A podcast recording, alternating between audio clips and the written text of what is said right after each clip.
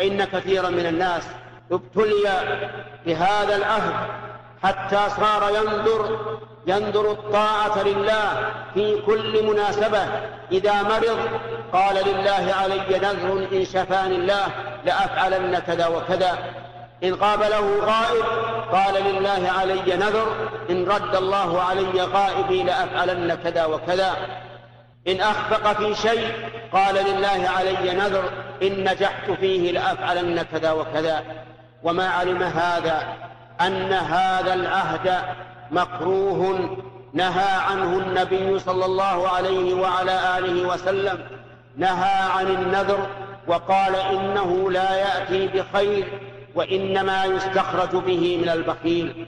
وقال إنه لا يرد قضاء فما قضاه الله عز وجل فسيكون سواء نذرت أم لم تنذر.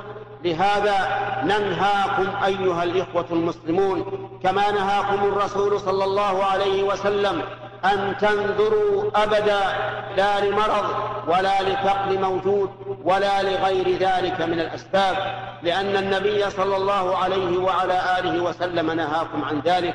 وكم من إنسان نذر نذرا ثم حصل له المطلوب ولكنه لم يوف بنذره تهاونا وتكاسلا أو عجزا ومشقة.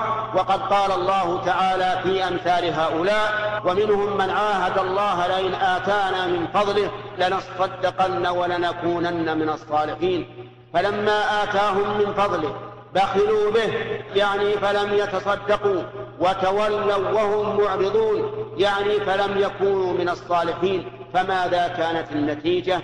استمعوها استمعوها في قول الله تعالى فأعقبهم نفاقا في قلوبهم إلى يوم يلقونه بما أخلفوا الله ما وعدوه وبما كانوا يكذبون. أتريد يا أخي أتريد أن يعقبك الله بنفاق يبقى في قلبك إلى الموت؟ لا أعتقد أن أحدا يريد ذلك. لهذا اجتنب ما يكون سببا لهذا الأمر. اجتنب النذر.